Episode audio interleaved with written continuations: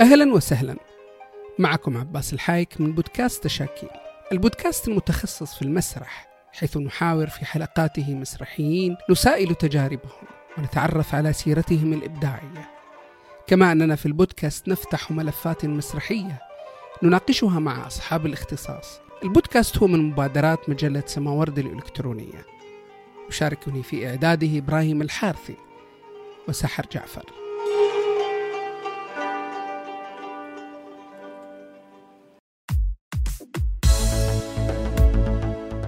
أهلا وسهلا. ضيفنا في هذه الحلقة من حلقات بودكاست تشاكيل الفنان السعودي فيصل الدوخي. هو ممثل مسرحي وسينمائي ومساعد مخرج ومستشار فني ومنتج أيضا. بدأ مشواره بإدارة خشبة المسرح في جمعية الثقافة والفنون بالدمام ثم إدارة المشاريع المسرحية. فيصل ممثل مسرحي وله العديد من العروض المسرحية تجاوزت العشرين. نذكر منها مسرحية الغريب بدل فاقد ووادي الرال التي حصل على جائزتين فيهما كأفضل ممثل ومسرحية المسخ وأشهرها مسرحية حبل غسيل ضمن عروض المسرح الارتجالي. هو ممثل تلفزيوني وسينمائي له ستة أعمال تلفزيونية وخمسة أفلام آه، سينمائية قصيرة وفيلم طويل هو حد الطار وله مشاركات عديدة في برامج اليوتيوب. حصل على عدة جوائز آخرها جائزة أفضل أداء تمثيلي في مهرجان القاهرة السينمائي الدولي عن فيلم حد الطار. وحصل أيضا على جائزة أفضل ممثل في مهرجان مسرح شباب الرياض عن عن مسرحية وادي الرال وأفضل ممثل في مهرجان الشباب المسرحي بالأحساء في مسرحية بدل فاقد وأفضل ممثل في مهرجان الأفلام بالأحساء آه، عن فيلم ما تبقى وغيرها من الجوائز والترشيحات لأفضل ممثل. أهلا وسهلا فيصل يعطيك العافية. هلا فيك أبو جواد أهلا وسهلا.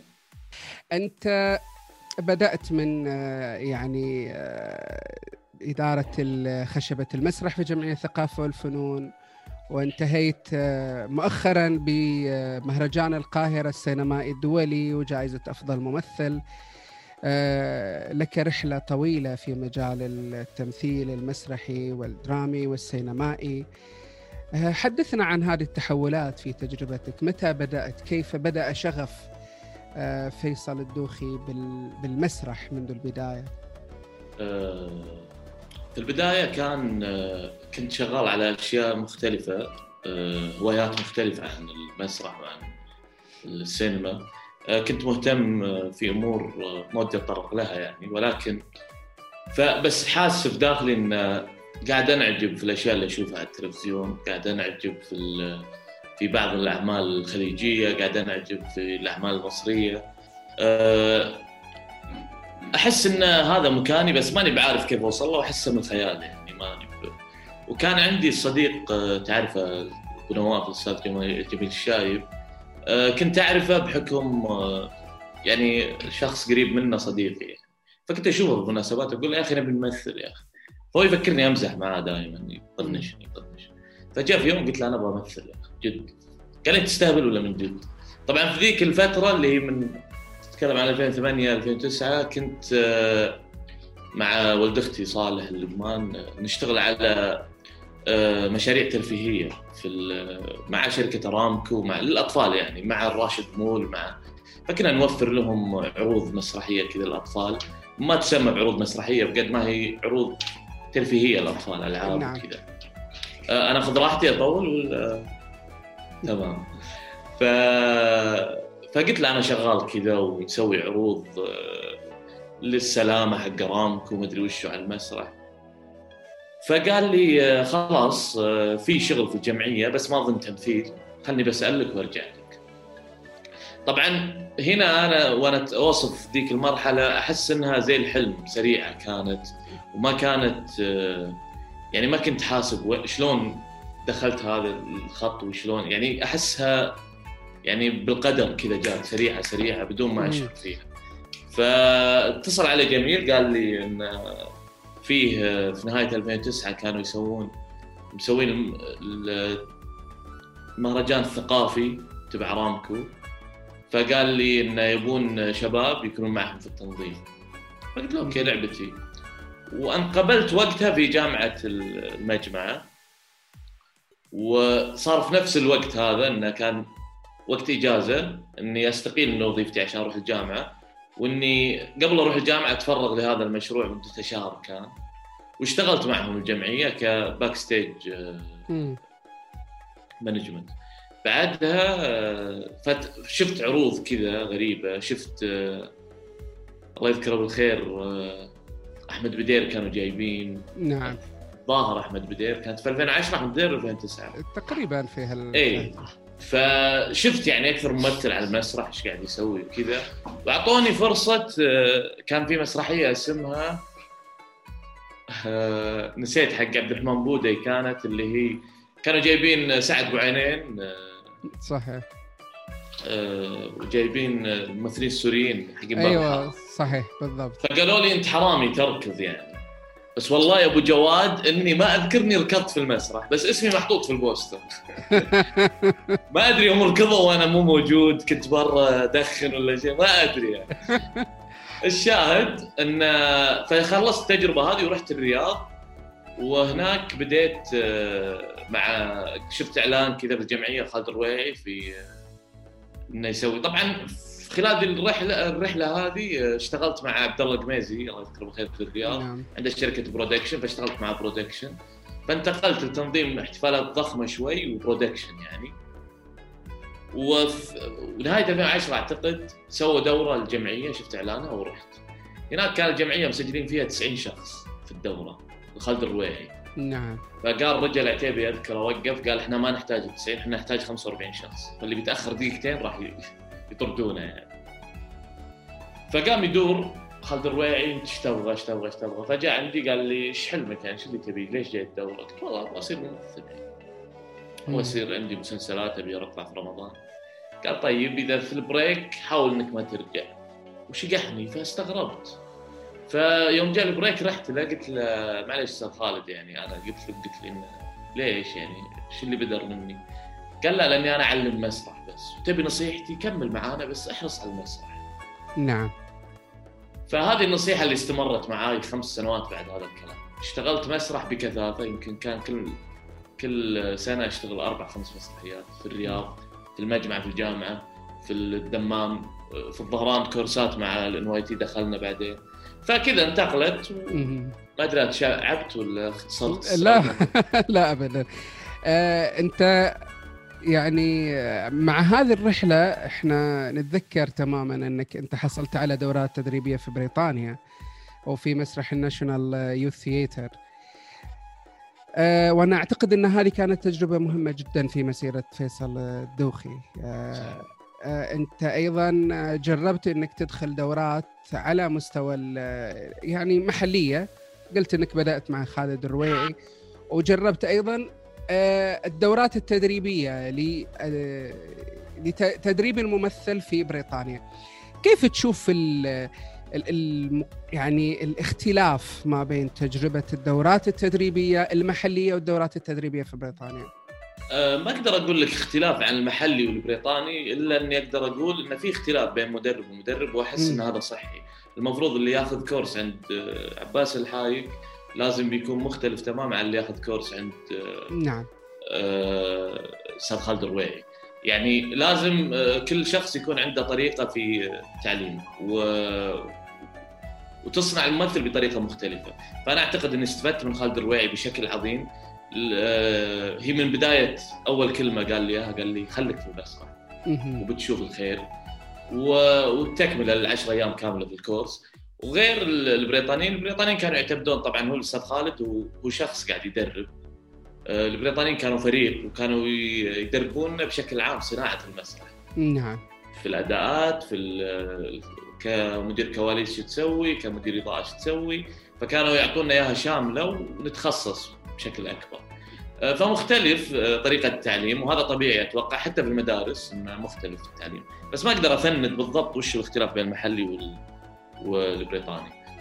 آه، ولكن هي غيرت فيصل الدوخي كثير يعني وأي كورس آخذه أنا صراحة يغير يعني فيني وأي شخص أتعامل معه وأتعرف عليه ويغير فيني أو يشتغل نعم. معي. نعم أنت بدأت ممثل على المسرح وأثبتت النجاح متواصل فيه آه، لن نقول أنك تحولت ولكن عرفت أكثر من خلال التلفزيون والسينما خاصة في الفترة الأخيرة لنقل السنتين الأخيرتين آه، هل هذا بسبب آه، لنقل موجة السينما وحضورها الكثيف وتراجع المسرح هو اللي جعلك تتجه بشكل كبير جدا إلى الدراما والسينما؟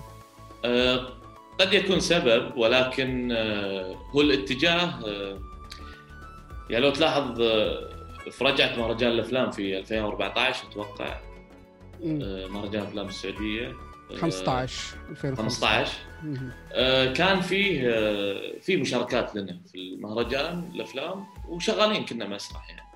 بس أنا ممثل فأنا أحتاج إن يعني أنا في 2018 توقفت عن الشغل كبرودكشن ركزت على التمثيل بشكل أكبر. فأنا ممثل أنا أبغى أمثل سواء أمثل على المسرح وهو متعتي أو أمثل في السينما أو بالدراما. آه، أنا لعبتي إني أنا أدرس شخصية معينة وأحاول أستشعرها وأحاول أقدمها بشكل مختلف. فإذا ما حصلت الفرصة بالمسرح أكيد أنا راح أدور فرصة ثانية. المسرح فالمسرح هو أصلا اللي متوقف عنه ولا أنا بالنسبة لي أنا مستمر. آه، قفلت العروض آه، بسبب كورونا. وإحنا قفلنا في آخر عرض كان في تاريخ 7 مارش قبل لا يوقفون الطيران بسبع أيام. وقفنا حبل آخر عرض كان في جدة أتوقع. و... وإن شاء الله الحين الحمد لله إحنا بديسمبر بدأت ترجع الحياة طبيعية إن شاء الله. نعم. آه، مع الاحترازات. وفي نهاية ديسمبر إن شاء الله أنا راجع بعرض إن شاء الله مسرحية المسخ ف نعم. هي قريبة من بعض يعني. يعني أنت قدمت عدد من العروض المسرحية يعني يعني نقدر إحنا نصنفها على إن هي مثل ما يسموها عروض مهرجانات أو عروض أو عروض نوعية على حسب التصنيفات أو المسميات. آه، يعني أنت قدمت بدل فاقد وحتى المسخ يمكن أن نصنفها على أن هي مع أنه عرض كان كوميدي آه، لكنه يمكن أن يصنف على أنه مسرحية نوعية. آه، كيف ترى تجربة العمل المسرحي؟ ما بين هذا النوع من المسرح وما بين المسرح الجماهيري؟ خاصة أن لك تجربة مع حبل غسيل وسنتحدث عن حبل غسيل باستفاضة لاحقا. آه، طبعا في العروض التجارية إحنا للأسف آه، طبعا الواحد في بداية مشواره ما يكون مصنف أو مو يعني مثل أنا ما قلت لخالد الرويعي قلت له ان أنا أبغى سينما أبغى عفوا أبغى تلفزيون لأن هذا الثقافة اللي عندي ودخولي المجال إني أنا أبغى تلفزيون لأن هذا اللي أنا أشوفه في بيتنا يعني. نعم. آه، ولكن مع التعلم مع الاحتكاك مع الناس آه، اللي عندهم خبرة بدينا نعرف ونفند إن هذه العروض غير جيدة هذه جيدة أنت لازم تشتغل هنا ما تشتغل هنا. فالتجاري أنا يعني في 2012 13 كان لي تجارب تجارية في الرياض في مسارح سميناها الأعياد حقت الأمانة اللي نعم. الموسمية. الموسمية بالضبط. بس كانت آه، ما كانت كانت ركيكة جدا يعني من ناحية النص من ناحية آه، يمكن تكون اخراجيا جيدة ولكن فيها فيها ما, هي مكتملة. بس بحبل الغسيل مختلف التجربة لأنها مرة قريبة من الجمهور لانك انت قاعد تشوف مشاكل الجمهور قاعد تحس بكل واحد يطرح الفكرة انه في شيء من وراء طرح هذه الفكرة. فكانت ممتعة وخاصة الفريق اللي معي كان جدا ممتع وكان كان يعني ساعد في صقل فيصل الدوخي. آه، المسرحيات المستقلة أو النوعية إذا سميناها أو أو زي ما يسميها البعض النخبوية أو أو هي يعني لها معايير معينة وهي مو صعبة على الجمهور بس إنها غير محببه عند الجمهور. فالجمهور يمل منها كثير. بس أنا أشوف كممثل إن كنت أحتاجها كثير في بداية مشواري. وأتوقع إن الحين أحتاجها بين فترة وفترة لأنها بترجع اللياقة شوي فيني وبتحسسني بالألفة المسرحية اللي اللي الواحد ما وده انه يبتعد عنها يعني. وتسقل تسقل ممكنات الممثل وادواته يعني. جدا جدا. حتى لو إنه فرط ونسى نفسه مع التلفزيون والدراما عفوا والسينما طبعا السينما هي ما تبعد يعني ما أحس إنها توديه بعيد كثير قد ما الدراما توديه بعيد. ولكن المسرح كذا يرجع القوام الصحيح. أنت هل تعتقد إن الممثل مهما تكون تجربته يعني آه، من الضروري إنه يمر بمرحلة المسرح؟ يعني آه، الممثل الذي يدخل إلى التلفزيون مباشرة أو يدخل إلى إلى السينما مباشرة لا يمكن أن يبدع بقدر ما يبدع الممثل الذي يدخل عالم المسرح عالم السينما أو التلفزيون مرورا بالمسرح. صحيح اتفق هو الأغلب كذا ولكن آه، زي ما أنت عارف أبو جواد في الفن أحس ما نقدر نحصر الأشياء بقواعد معينة. نعم. آه، يمكن يجي واحد آه، تو طالع له سنة مثلا في ال social media. اللي إحنا قد تكون مزعجه لنا بعض الشيء في في أنا ما أبي أتكلم عنها ولكن يمكن يطلع واحد له سنة في ال social media ويجي يجرب تجربة على التلفزيون ويطلع فنان خرافي يعني عنده شيء بالفطرة ما كنا نشعر فيه ولا كنا ندري عنه ف ويكون ما له تجارب في المسرح ولا شيء ويمكن يتفوق على كل اللي في المسرح يتفوق على كل اللي في التلفزيون قد تكون يعني. هذه تصير يعني. اعتماد على الموهبة يعني اي الموهبة نعم. ولكن بشكل عام المسرح هو اللي يربط الأشياء ويخلي في تكنيك معين ويخلي بس هل بيطلع واحد بالتلفزيون بدون مسرح وبيكون متفوق؟ يمكن يصير واحد من من 100 بس إنه الأفضل أنا أشوف لأن هذا اللي نفعني وأنا أتكلم عن تجربتي البسيطة إنه نفعني كثير يعني. آه في مسرحية حبل غسيل يعني آه أنا كتبت مقال عن تجربة مسر آه, آه، حبل غسيل آه وهي تجربة من المسرح الارتجالي آه مسرح ال playback وطبعا هو المسرح ال playback قدم سابقا في دولتين في فلسطين وأيضا في مصر. والدولة الثالثة هي في المملكة العربية السعودية. قدمت هذه التجربة بشكل كبير وما يميز حبل الغسيل أن هي الأكثر مسرحية قدمت عروض على مدى 100 عرض. ويعني هذا تحسب تاريخيا لحبل الغسيل آه، كيف بدأت فكرة آه، حبل غسيل آه، فكرة تجربة ال playback أو تجربة المسرح الارتجالي؟ في 2016 طبعا إحنا قاعدين في 2012 أنا تعرفت على الأستاذ محمد الجراح ويعرف كان أتوقع أسبوع أو أسبوعين من وصول السعودية يعني. فأنا كنت في الرياض وقالوا لي ان ترى أرامكو مسوين آه، دورات للممثلين كذا أسبوعين حلوة ومشي كان قبلها إحنا ماخذين كورس ورشة يومين كذا فرقة استعراضية كانت جاية في أرامكو في مهرجان أرامكو الثقافي. وأعطونا كورس يومين كذا على شيء قتالي. فقلت لهم إذا كان أبو يومين كذا بدون يعني ما ما يصحصح. قالوا لا بدته أسبوعين. فجيت وكلمت محمد الجراح اعطوني رقمه كلمته. قال تعال وبنطلع. إحنا خلصنا الكورس اللي في الدمام كان أسبوع مدته. بس تعال بنكمله في الحسا قلت خلاص أنا جاي بكرة من الرياض. وجيت وفعلا رحت لهم الظهران التقيت فيه عند الباص. فعند الباص يوم التقيت فيه قال لي فيصل دوخي قلت شلون عرفتني يعني؟ قال عرفتك. ما أدري ليش. فركبنا بالباص وحسيت إن هذا الرجل يعني صديق بيكون ما أدري ليش. وفعلا استمرت الصداقة ف طول مشوار المسرح ومعاي في من 2000 من وصوله يعني في مع ال National Youth Theatre. وأنا قاعد يشوف إن أنا وش أهدافي ويشوف إني أنا شنو حققت. في 2013 في نص الدورات اخذت جائزة فكان مرة support معي فيعرف حبي للمسرح وكنت أكره الدراما تماما لأن أرى أنها ما فيها تقدير للممثل. فالمكان اللي ما يقدرني أنا ما أبغى أروح له. أنا المسرح قاعد يقدرني وزملائي يقدروني بقيت فيه. ففي 2015 طلعت رحت الرياض اشتغلت في الرياض يعني. فكنت أشتغل مع الشباب على اليوتيوب وكذا في تلفاز. فكلمني قال لي في عرض مسرحية في راسي وأنت ابتعدت عن المسرح. لا ما ابتعدت يعني بس ما في عروض يعني ما في. قال لي في فكرة في راسي غريبة كذا وأبغى تيجي في الويكند وأقول لك عليها. فيوم جيت وقال لي إياها قلت له لا ما راح تضبط قال يعني نفس شوف دخول ال stand-up comedy في السعودية كان كذا ما حد كان متقبله. ف خلينا نشوف هذا. قلت له ما راح تضبط يا أبو قلت له الجمهور السعودي أنا أعرف فيه ما راح تضبط. قال لي خلينا نسويها ونجرب. قلت تمام. كان عنده course هو يقدمه. فقال لي في يوم التخرج إحنا بنقدمها للناس الحضور. بعد آه، تخرج الدفعة اللي عنده حق ال course بعدها بنقدم حبل الغسيل كعرض أول يشوفونه ونشوف رده فعلهم ونقيسها.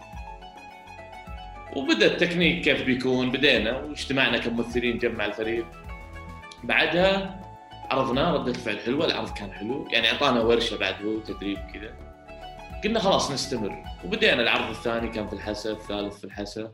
وكانت آه، من أحلى العروض كعرض ومن أسوأ العروض كحضور جمهور. يعني كان الحضور 12 شخص في العرض الأول وثمان أشخاص في العرض الثاني.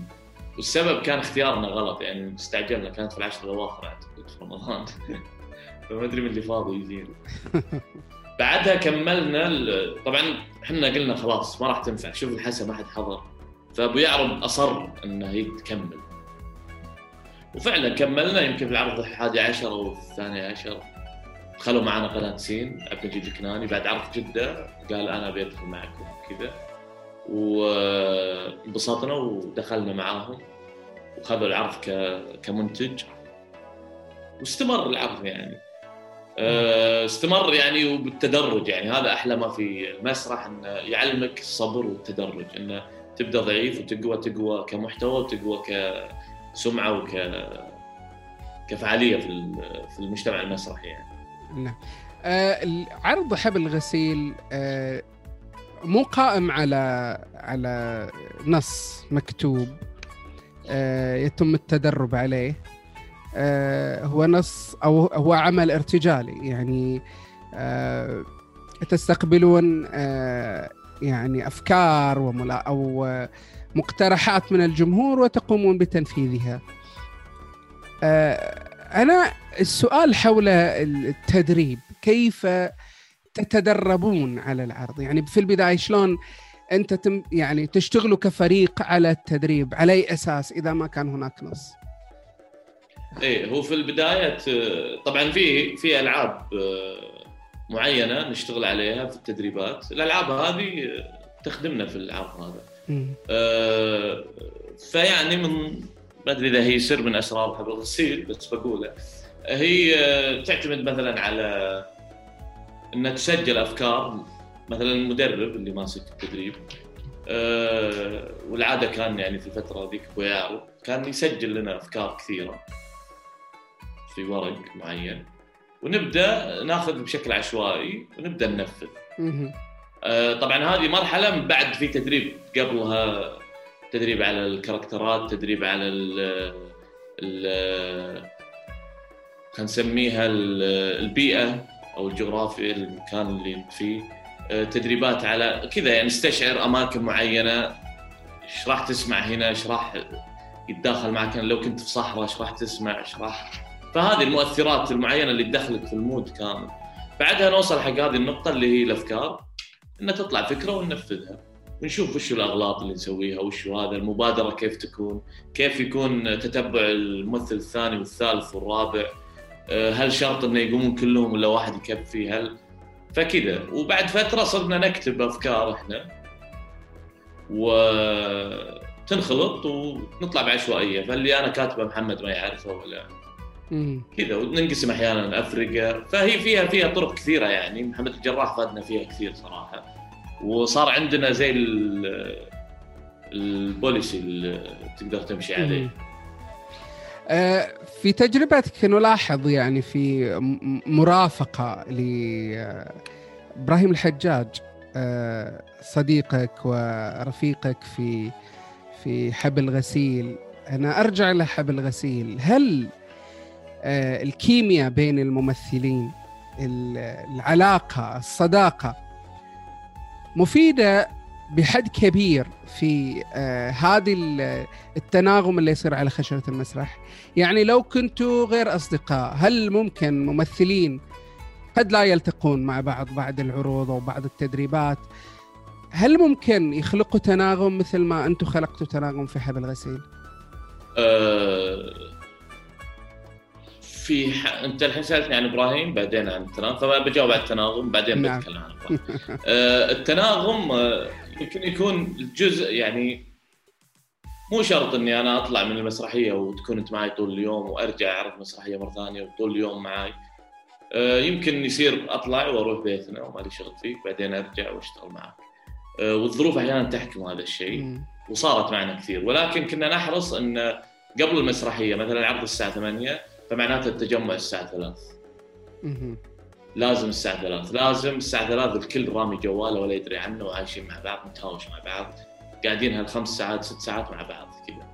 آه هذا يخلق شوي آه روح أقوى.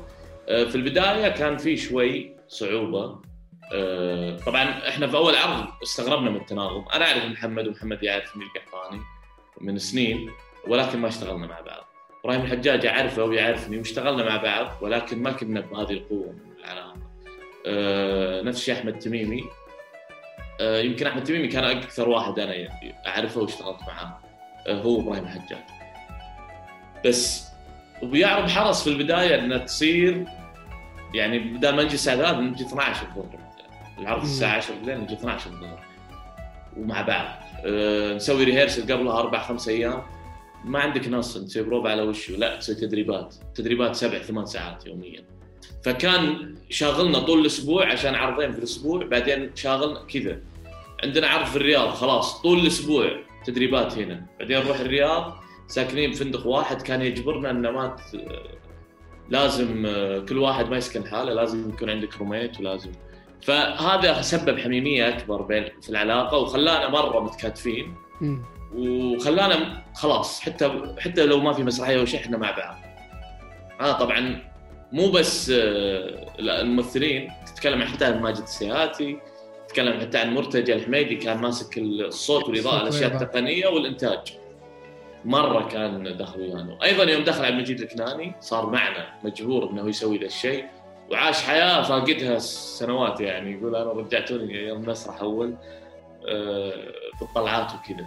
فالعلاقة مهمة إنها ترفع مستوى فأنت كل ما شفت مستوى الانسجام قليل فأعرف انك تحتاج إنك تزيد العلاقة مع بعض على أساس بس أتوقع ما تحتاج في كل المسرحيات هذا الشيء بقد ما تحتاج في آه، حبل الغسيل. نعم. أو الارتجال أو ال playback. إيه ال playback. نعم.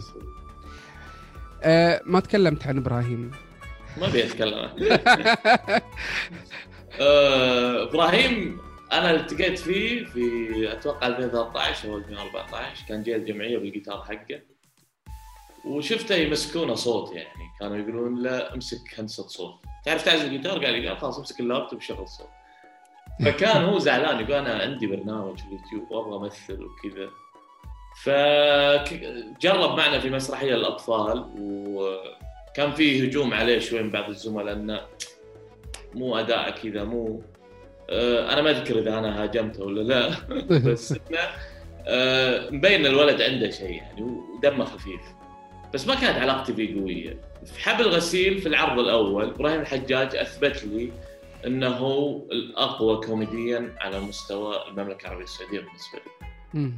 في العرض الأول من حبل الغسيل طلعنا قلت له مسفر هذا الولد كوميدي من الطراز الأول يعني يقدر يلعب بشكل غير طبيعي ومحبوب ومقبول عند الناس. نعم. آه وهذا اللي اشتغلنا عليه في العروض كلها إن إحنا نعتمد على كوميديا إبراهيم الحجاج استغليناه استغلال دائم. آه، قدمت عدد من المسلسلات الدرامية يعني اللي لاقت نجاح وأثبتت فعلا يعني جدارتك. ولفتت الأنظار لفيصل الدوخي كممثل. يعني الكل يتذكر دون رهن الاعتقاء رهن التحقيق أم القلايد آه يعني في شخصيات كانت منوعة. وهذه ميزة عند الممثل. يعني كثير ممثلين الدراما ممكن إحنا نشوفهم هم نفسهم في كل المسلسلات. بينما فيصل الدوخي آه، في كل عمل هو شخصيته. يعني آه، يختلف من من عمل إلى إلى عمل. كيف تشتغل على على هذه الشخصيات؟ كيف يعني تحاول ان تنوع في شخصياتك؟ يعني كيف تمسك النص وتبدأ تجسد هذه الشخصية وتشتغل عليها وتعمقها؟ آه، أنا عندي مشكلة كان في الدراما إن إنه زي ما قلت لك إنه الممثل إذا راح ما يحس باحترام. أبسط شيء تبيه أنت كإنسان احترام. فكان في التجارب اللي في الرياض كانت آه، إنه يقولون لك أوكي أنت تشتغل مسرح تعال جرب آه، كومبارس وشوي شوي تطلع. يمكن تضبط هذه الحالة بس أنا كنت أعتقد في ذاك الوقت إنه ما راح تنجح معي إني أنا بشتغل كومبارس شوي شوي بطلع وبصير. فأنا ماني مستعجل بس أنا مبسوط إني أنا أجرب في المسرح. مم. فأنا بعيش حياتي بالمسرح أجرب لين يجي واحد يقول لي أنا أبيك هنا في دور تستحقه وباحترامك. ففعلا جاءت هذه الفرصة في بشر. نعم. وكان بشر 1 كانت حلقة واحدة بس إني أنا أجس النبض يعني كان في تجارب يوتيوب وكذا. فبس أجس النبض على الانتاج ال- الدراما وكانت في مصر كان تصوير. فشفت شيء مختلف يعني. فقلت له خالد صقر قلت له الحمد لله تعدل الدراما. قال لا هو أنت قاعد تصور في مصر يعني. مو في السعودية. بس إنه في ناس في السعودية ماشيين بهذا الخط. نعم. حبيت هذا الجو. جو اللي تشتغل مع ناس ما يهمهم إنهم يعبون ساعات 30 حلقة وكل حلقة ساعة وبس التلفزيون يبي القناة الفلانية تبغى كذا. لا أنا عندي قصة فيها 11 حلقة. فيها قصة تحتاج بس 11 فصرت أشتغل على هذا الجو. فالبيئة الناس اللي تشتغل على هذا الجو يساعدون كثير الممثل إنه يخلق شخصيات. نعم. أول شيء فكرهم إن فكرهم عظيم أصلا. مو قاعد يبيعون ولا يتاجرون. هم قاعدين يصنعون عمل درامي فلازم تكون العناصر مكتملة. فهو يساعدك كثير. تعال إيش مشكلتك؟ لا أنت ادائك كذا ضعيف. تعال تسوي كذا. لازم تسوي كذا. فتعلمت من المراحل انه وطبعا من ال NYT تعلمت هذا الشيء وطورته إني أنا لازم إذا قريت النص أعرف وش الشخصية بعدها أبدأ أكتب تاريخ للشخصية. آه، كنسخة أولى. بعدين أقرأ النص مرة ثانية وأرجع أعمق في التاريخ حق الشخصية. بعدين أرجع للتاريخ حق الشخصية اللي كاتبه الكاتب وأطابق ما بينهم وأحاول أقاربهم لبعض وأكلم الكاتب وأقعد أنشب للكاتب. طيب كيف كان كذا؟ طيب شلون كان كذا؟ لا أنا أحس إنه مثلا لو افترضنا إنه هو صدمته سيارة وهو في سادس ابتدائي. لا أنا أحس إن السيارة صدمته وهو طالع من المدرسة. يقول لي ما تفرق أنا أهم شيء صدمته سيارة. أقول لا أنا أقول طلعت وهو طالع من المدرسة. لأن في أحد وهو طالع من المدرسة ما كان معتني فيه ياخذه. فهنا الأثر يزيد. فهذه التفاصيل أكبرها وأوفرها بزيادة في مخي في عقلي الباطن على أساس إن أتشبعها. إلين أوصل لحد الاستشعار. أذكر إنك سمعت في شيء لل... طبعا أنا أشوف في اليوتيوب كثير للفنانين واستفيد منهم فنانين كبار فنانين آه، جدد. أحب أشوف. كيف طريقة عملهم.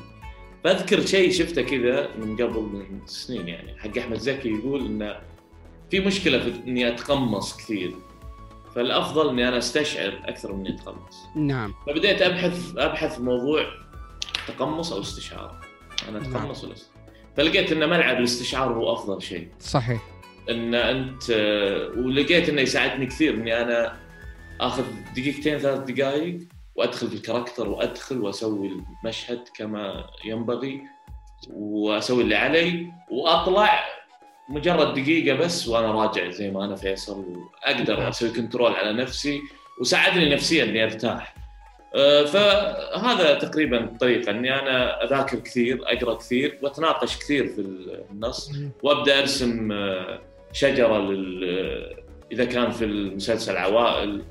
آه، مثلا أم القلايد في عوائل كثير أنا مالي صحيح. ما لي علاقة فيهم كشخصيه كمان. نعم. ولكن كان مهم عندي إني أكلم فرج واعرف ال ال الش- الشجرة العائلة حق هذه وهذه أبي أتعرف عليهم كلهم.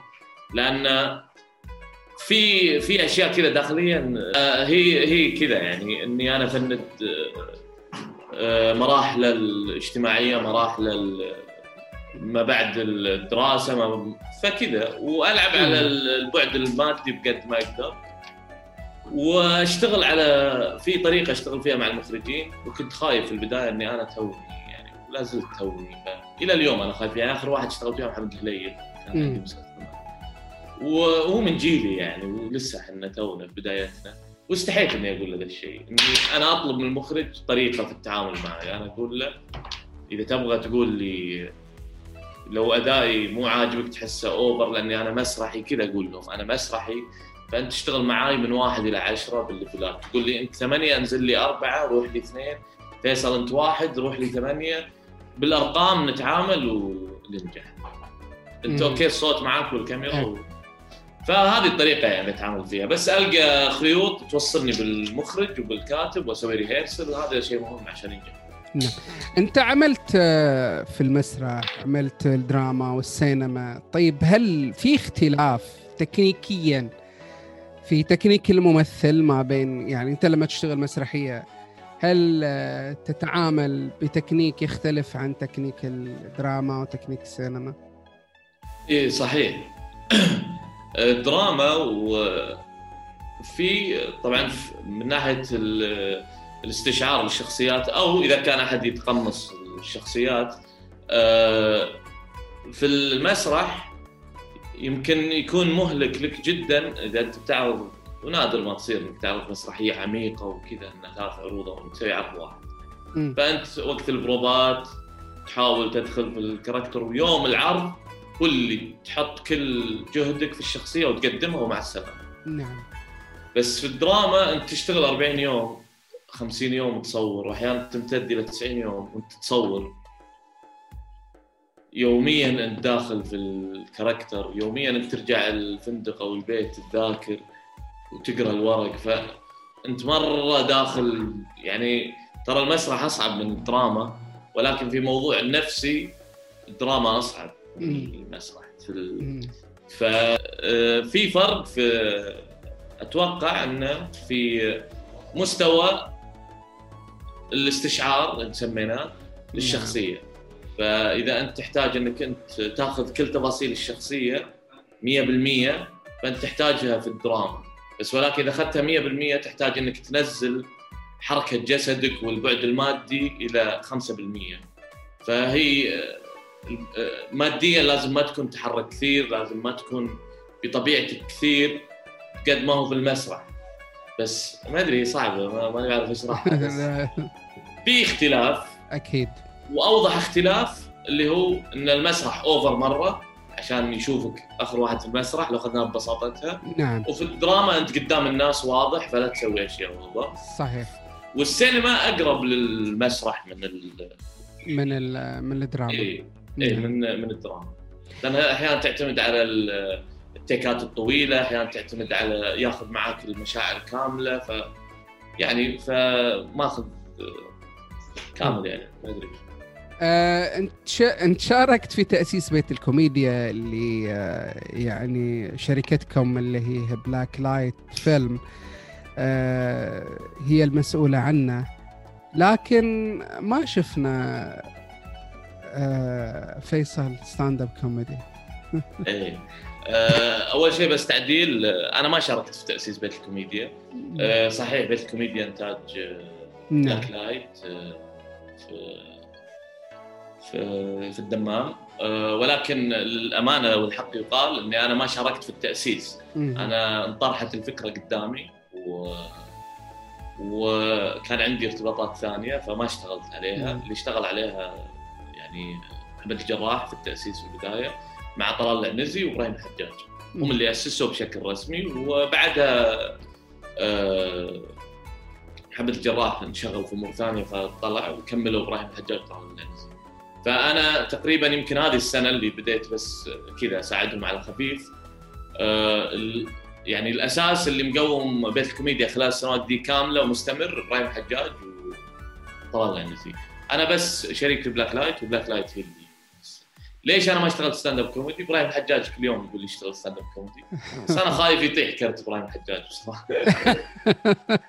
لا آه، أنا ما أحس نفسي ك stand-up مرة ذبحني إبراهيم لا لازم تقدم أنت تقدر تسوي شيء وأنت تستطيع وأنت فطلعت ك host وقلت خلاص. قال لي هنا تحط النكت علمني إبراهيم. قال لي هنا تقدم بعدين تقول النكتة بعدين تقدم هذا.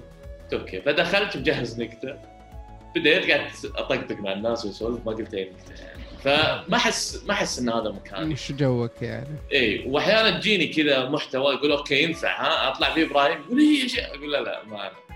ما ما راح اخذه فمجمع كذا مادة يمكن في يوم تشوفوني يمكن أطلع كذا أقول اللي عندي بس. بس أنا ما أحبه. ك host عادي ما عندي مشكلة. بس. ك stand-up ما أحس إنه ما لي وإبراهيم يعني متفوق فيه نعم. آه فيلم حد الطار وفوزه هو حديث الساحة الفنية السعودية.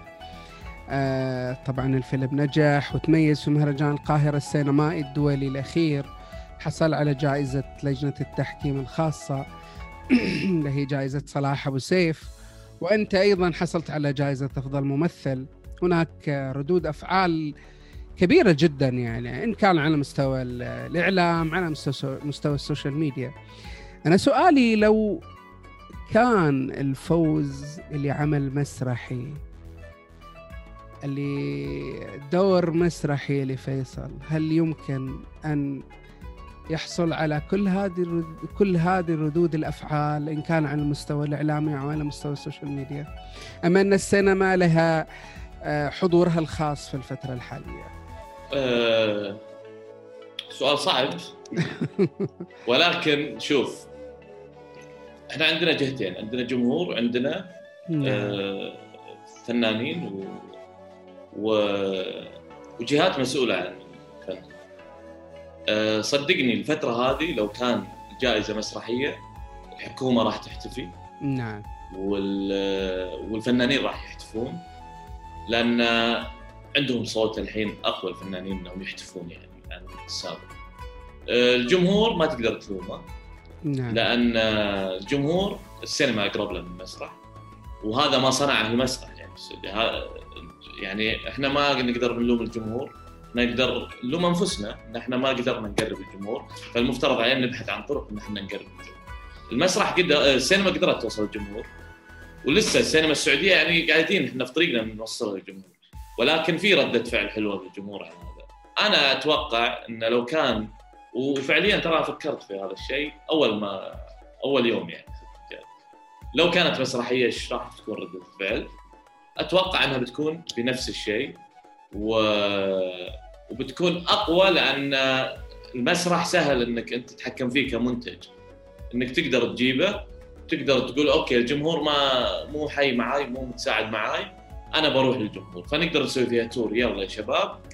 والمسرحيين تعرف ما عندهم مشكلة. بس الفيلم كسينما آه، فيه آه، يعني خاضع لأشياء قانونية وخاضع لأشياء صعبة إن نعم. حتى المسرح. ولكن أقصد إن المسرح سهل إنك تتحكم فيه المنتج حقه إنك أنت تتنقل فيه. يلا خلينا نروح نعرض هنا ونعرض هنا. فأتوقع لو كانت مسرحية في 2020 الجائزة كان حصدت هذا الصيت. وإن شاء الله قريب نفرح بجوائز مسرحية وإن شاء الله جميعا نحقق هذه الإنجازات في كل المجالات في هذا الوطن. إن شاء الله. آه، مهرجان القاهرة آه، السينمائي الدولي يعتبر من أهم ال- آسف على المقاطعة. إذا تسمح لي بعد أضيف شيء. ناهيك عن سمعة مهرجان القاهرة السينمائي نعم وهذا اللي أقوله. يعني إيه لو كان يمكن لو كان فيصل الدوخي فاز في مهرجان آه، اسكندرية افترضنا أو الجونة أو أي أي مهرجان أفلام آخر يمكن ما تكون السمعة زي كذا لأن مهرجان القاهرة أصلا سمعته وتاريخه هو اللي ساعد يعني. آسف على المقاطعة. ابدا. كيف كانت تجربة حضورك هذا يعني هذه الاحتفالية السينمائية الضخمة؟ وطبعا المهرجان حضر فيه عدد كبير جدا من الفنانين العرب والعالمين. كيف تجربتك في حضور مثل هذه هذه الفعالية الكبيرة جدا؟ طبعا أنا كان كنت ملتزم في تصوير في جدة فما كنت أقدر أروح ولكن حاولت ورتبت إني أحضر الافتتاح وافتتاح الفيلم وثاني عرض الفيلم على الأقل أشوف بس الناس اللي حاضروا واخذ رده فعلهم وأمشي. فهذه الأيام اللي حضرتها افتتاح المهرجان كذا. من ناحية مهرجان اذا تتكلم عن مهرجان ففعلا هو الأضخم يعني من قبل لا أروح المطار في جدة وأركب وأروح مصر وهم يتواصلون معي وحريصين على كل نقطة وكل شيء. يوم وصلت واحد استقبلني على طول. بعدين آه، طلعوا موكب تأمين. أي شخص جاي للمهرجان ما يمشي إلا بتأمين شرطة وما يمشي إلا بتنظيم. آه، فكنت لحالي أنا واصل. استغربت أصلا خذوني 200 من الموسمي عشان حق جدة يوصل على محطة موسمية. بعدين ودوني ال terminal وطلعوا دوريات وياي. خفت أنا إيش السالفة؟ لحالي أنا. فكان الموضوع إن أي شخص يجي لازم يحتفون فيه بهذا الشكل لازم ينتبهون له يعني. فالثلاث أيام كانت ضيافة يعني رائعة جدا واهتمام في أدق التفاصيل. في شخص مسؤول عن الفريق السعودي اللي في حد الطار لأن في فريق سعودي سارة مسفر فيلمها اللي شاركت فيه آه، أفلام الغد آه، اللي ما تحققنا الليلة. أعتقد اسمه كذا إذا ما غلط آه، ففي شخص منسق مهتم 24 ساعة صحيا كل شيء معه آه، المهرجان نفسه النجوم اللي فيه إيش أحكي لك يعني عن النجوم؟ وإيش أحكي لك عن الصحافة والإعلام في مصر؟ يعني أنا كنت أعتقد إن الصحافة ماتت خلاص. في. مصر تثبت لي إن الصحافة عمرها ما صحيح. شغالة بشكل غير طبيعي. من دخولنا إحنا طبعا الموقف السعودي أوكي وكالات أنباء من الصين من العالم كله موجود. يعني يمكن 48 آه، كاميرا وتقارير. و... يعني لدرجة أنا لخمت أول ما دخلت بعدين كذا معنا بس بالطيور قلت أنا أحتاج أروح شوي بعيد هناك شوي. أبي أستوعب بس. فرحت لأن الفيلم ما انعرض فأنا ماني ب... ماني بالقدرة الكافية إني الحين أرد عليهم على اسئلتهم عن الفيلم، أنا متوتر أبغى الناس تشوف الفيلم وأشوف رده الفعل. وقابلنا النقاد وقابلنا الفنانين وعزمناهم على العرض. وهنا كانت ال... الاختلاف اللي لاحظته إن الكل كان يقول أوكي فيلم سعودي مرة متحمسين مرة كذا. وفي طرف ثاني النقاد بالذات كانوا يقولون نحن ما نبي نحكم. لأن إحنا اعتدنا في صورة ذهنية عند الناس كلها العرب كلها وإحنا. من ضمنها ان إحنا بنجي بنشوف مرسيدسات بنشوف فراري بنشوف شيء غريب عمرنا ما شفناه. فيقولوا طارق ال- ال- الفيشاوي يقول آه، أنا يعني مرة أحرق قلبي أجي أشوف شيء يعور قلبي يعني سيارات ولا قلت لا لا لا بتجي وبتشوف شيء مختلف.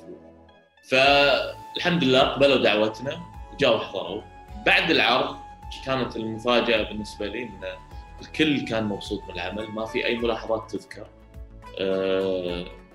كان في ناقد لبناني واحد قال ملاحظة وكانت أعتقد إنها ما كانت ملاحظة تذكر يعني ما كانت ما كانت مهمة. آه، يعني ردوا عليه النقاد أصلا نفسهم كانت تتكلم عن اللهجه وكذا ولا السب تايتل آه، كانوا مرة مبسوطين. بعد ظهورنا من الصالة هنا استقبال الإعلام لك. مو الصحافة الإعلام آه، مرئي. تقارير. يمكن 20 ومعك شخص منسق يقول لك ها خلاص تعبت تبغى تروح؟ لا يلا تعبت. بعدها رحنا وخذنا أكثر من تلفزيون خذ معنا وهذا كله صار بأصداء الفيلم. يعني تقول لي المنسقه اللي معنا قلت لها هذا أي فيلم يصير كذا؟ يعني كيف بيمديهم؟ كم فيلم؟ 83 فيلم. قالت لا لأن الأصداء هم تجيهم على طول. إذا خلصوا يبدون وشافوا إن طارق جلس في الندوه وسمعوا كلامه جهزوا فهم كذا يعرفون إن الفيلم كويس. فالحمد لله كان يوم متعب بالنسبة لنا كبربره وصحافه وذا. وثاني يوم نفس الشيء رسقوا لنا مؤتمر صحفي وجينا وتعاملنا معهم.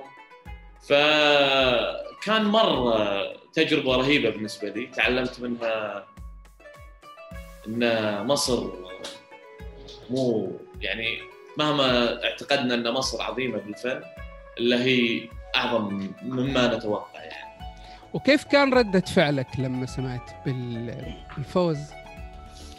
آه الفوز آه، كان غريب شوي لأن آه، خلص تصويري يوم ال يوم ال- حفل الختام الساعة 6 الصباح في جدة كانت رحلتي أنا مرتبها إني أطلع الساعة 9 من جدة إلى الدمام فكان يكلمني آه، شلاحي يقول لي في ردود أفعال مرة حلوة في المهرجان. فما أدري إذا يمكن حصل جائزة فقلت له أنا متوقع الفيلم ياخذ جائزه يمكن لجنة تحكيم.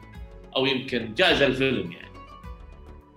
فقال لي طيب خلاص تعال. دامك تخلص صباح تعال على طول القاهرة. وشوف خلينا نحتفل بالجائزة. يعني إذا في جائزه قلت له لا.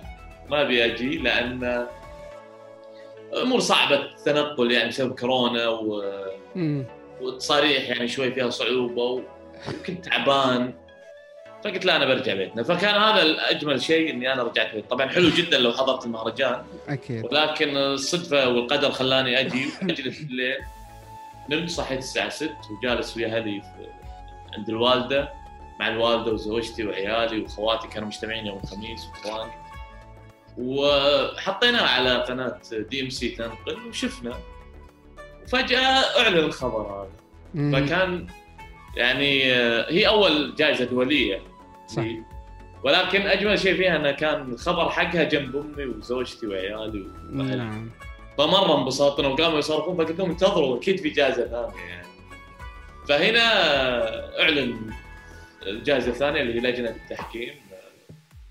نعم. آه يعني المسرح كانت تجربتك الفنية الأولى؟ أنت ممثل مسرحي سينمائي. كيف تشوف مسرح اليوم؟ كيف آه، تشوف مصر المسرح غدا؟ كشاب بدأ في المسرح ومتطلع لتجارب فنية قادمة. آه، شنو اللي يجذبك للمسرح مستقبلا؟ كيف تشوف المسرح السعودي في قادم الأيام. أه ما أقدر آه، أحدد بالضبط شو اللي بيصير ولا أدري إيش قاعد يصير الآن. أه يعني اللي آه، شفنا إحنا إعلان استراتيجيات من هيئة الفنون الأدائية وشفنا من المسرح الوطني وفي عمل قائم عندهم يعني واضح وشفنا مبادرات. ولكن آه، لأني أنا بعيد عنها الفترة هذه خاصة بسبب كورونا السنة هذه. ابتعدنا شوي عن المسرح. وقبله شبه يعني شفنا في توقف شوي. ما شف... مو قاعدين نشوف عروض كثيرة ولا نشوف مهرجانات ولا نشوف. يعني التجمع الوحيد اللي اجتمعنا فيه تذكر انت بجواد وشفت فيه كل المسرحيين أو أغلبهم آه، افتتاح تدشين المسرح الوطني يعني. نعم. فما أدري شو المستقبل آه، ولكن متفائل متفائل كل شيء يخص الفنون في البلد.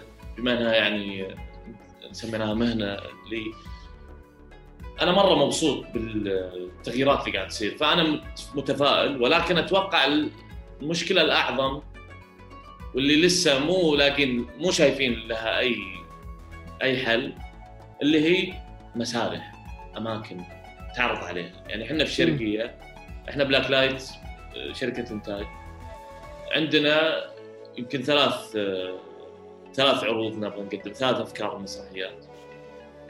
وعندنا برنامج للبيت الكوميديا كامل لمدة سنة نقدر ننفذه. نبغى بس مقر ننشئ فيه مسرح أو نستثمره. ما إحنا بلاقين ولا في مكان أصلا.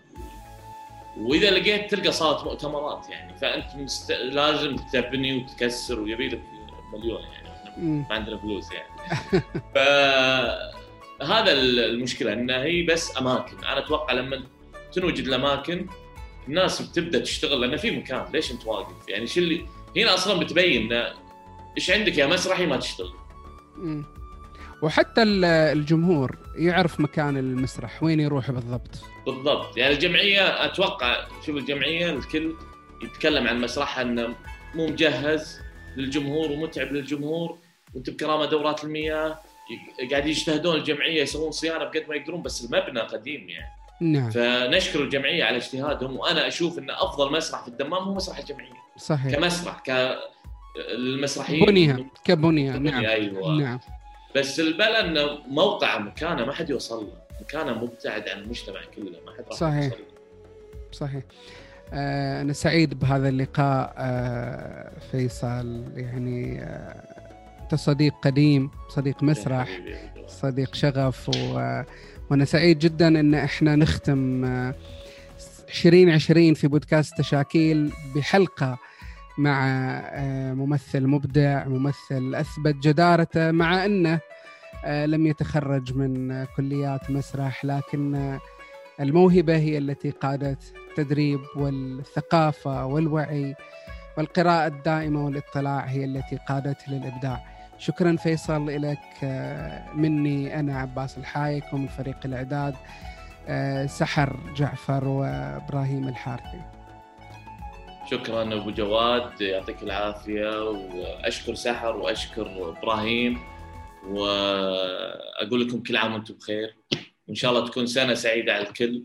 إن شاء الله تكون سنة خير. تعوضنا عن اللي صار في 2020 آه ومع إن 2020 سنة يعني سنة الكورونا يعني ولكن الحمد لله كان فيها فيها أشياء آه نفرح فيها بهذا الوطن الكريم. وان شاء الله قادم جميل معكم أستاذي أبو جواد أنا مرة مبسوط آه تعلمت منك كثير ولازم أتعلم منك إن شاء الله نلتقي قريبا. شكرا إلى اللقاء. شكرا أبو جواد. شفنا فيها البخيل شفنا فيها العجاب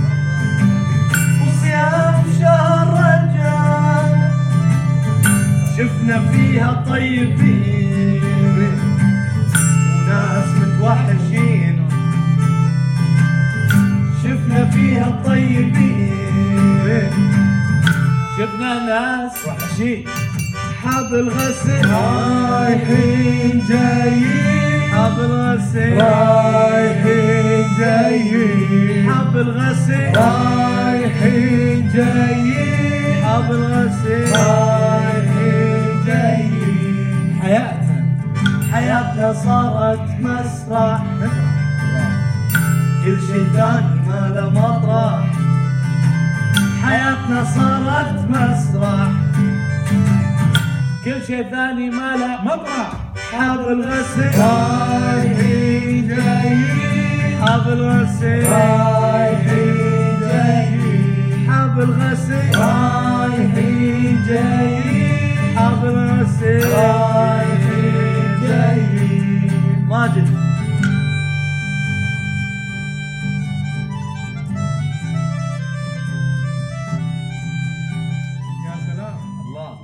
البودكاست يحتاج لدعمكم عبر تقييمه في ال iTunes واليوتيوب على قناة إيه سناب فن.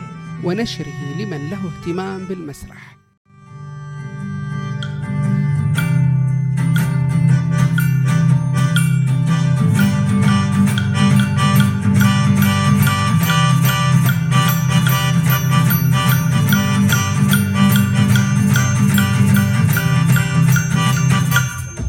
حب الغسيل يا حب الغسيل حب الغسيل حب الغسيل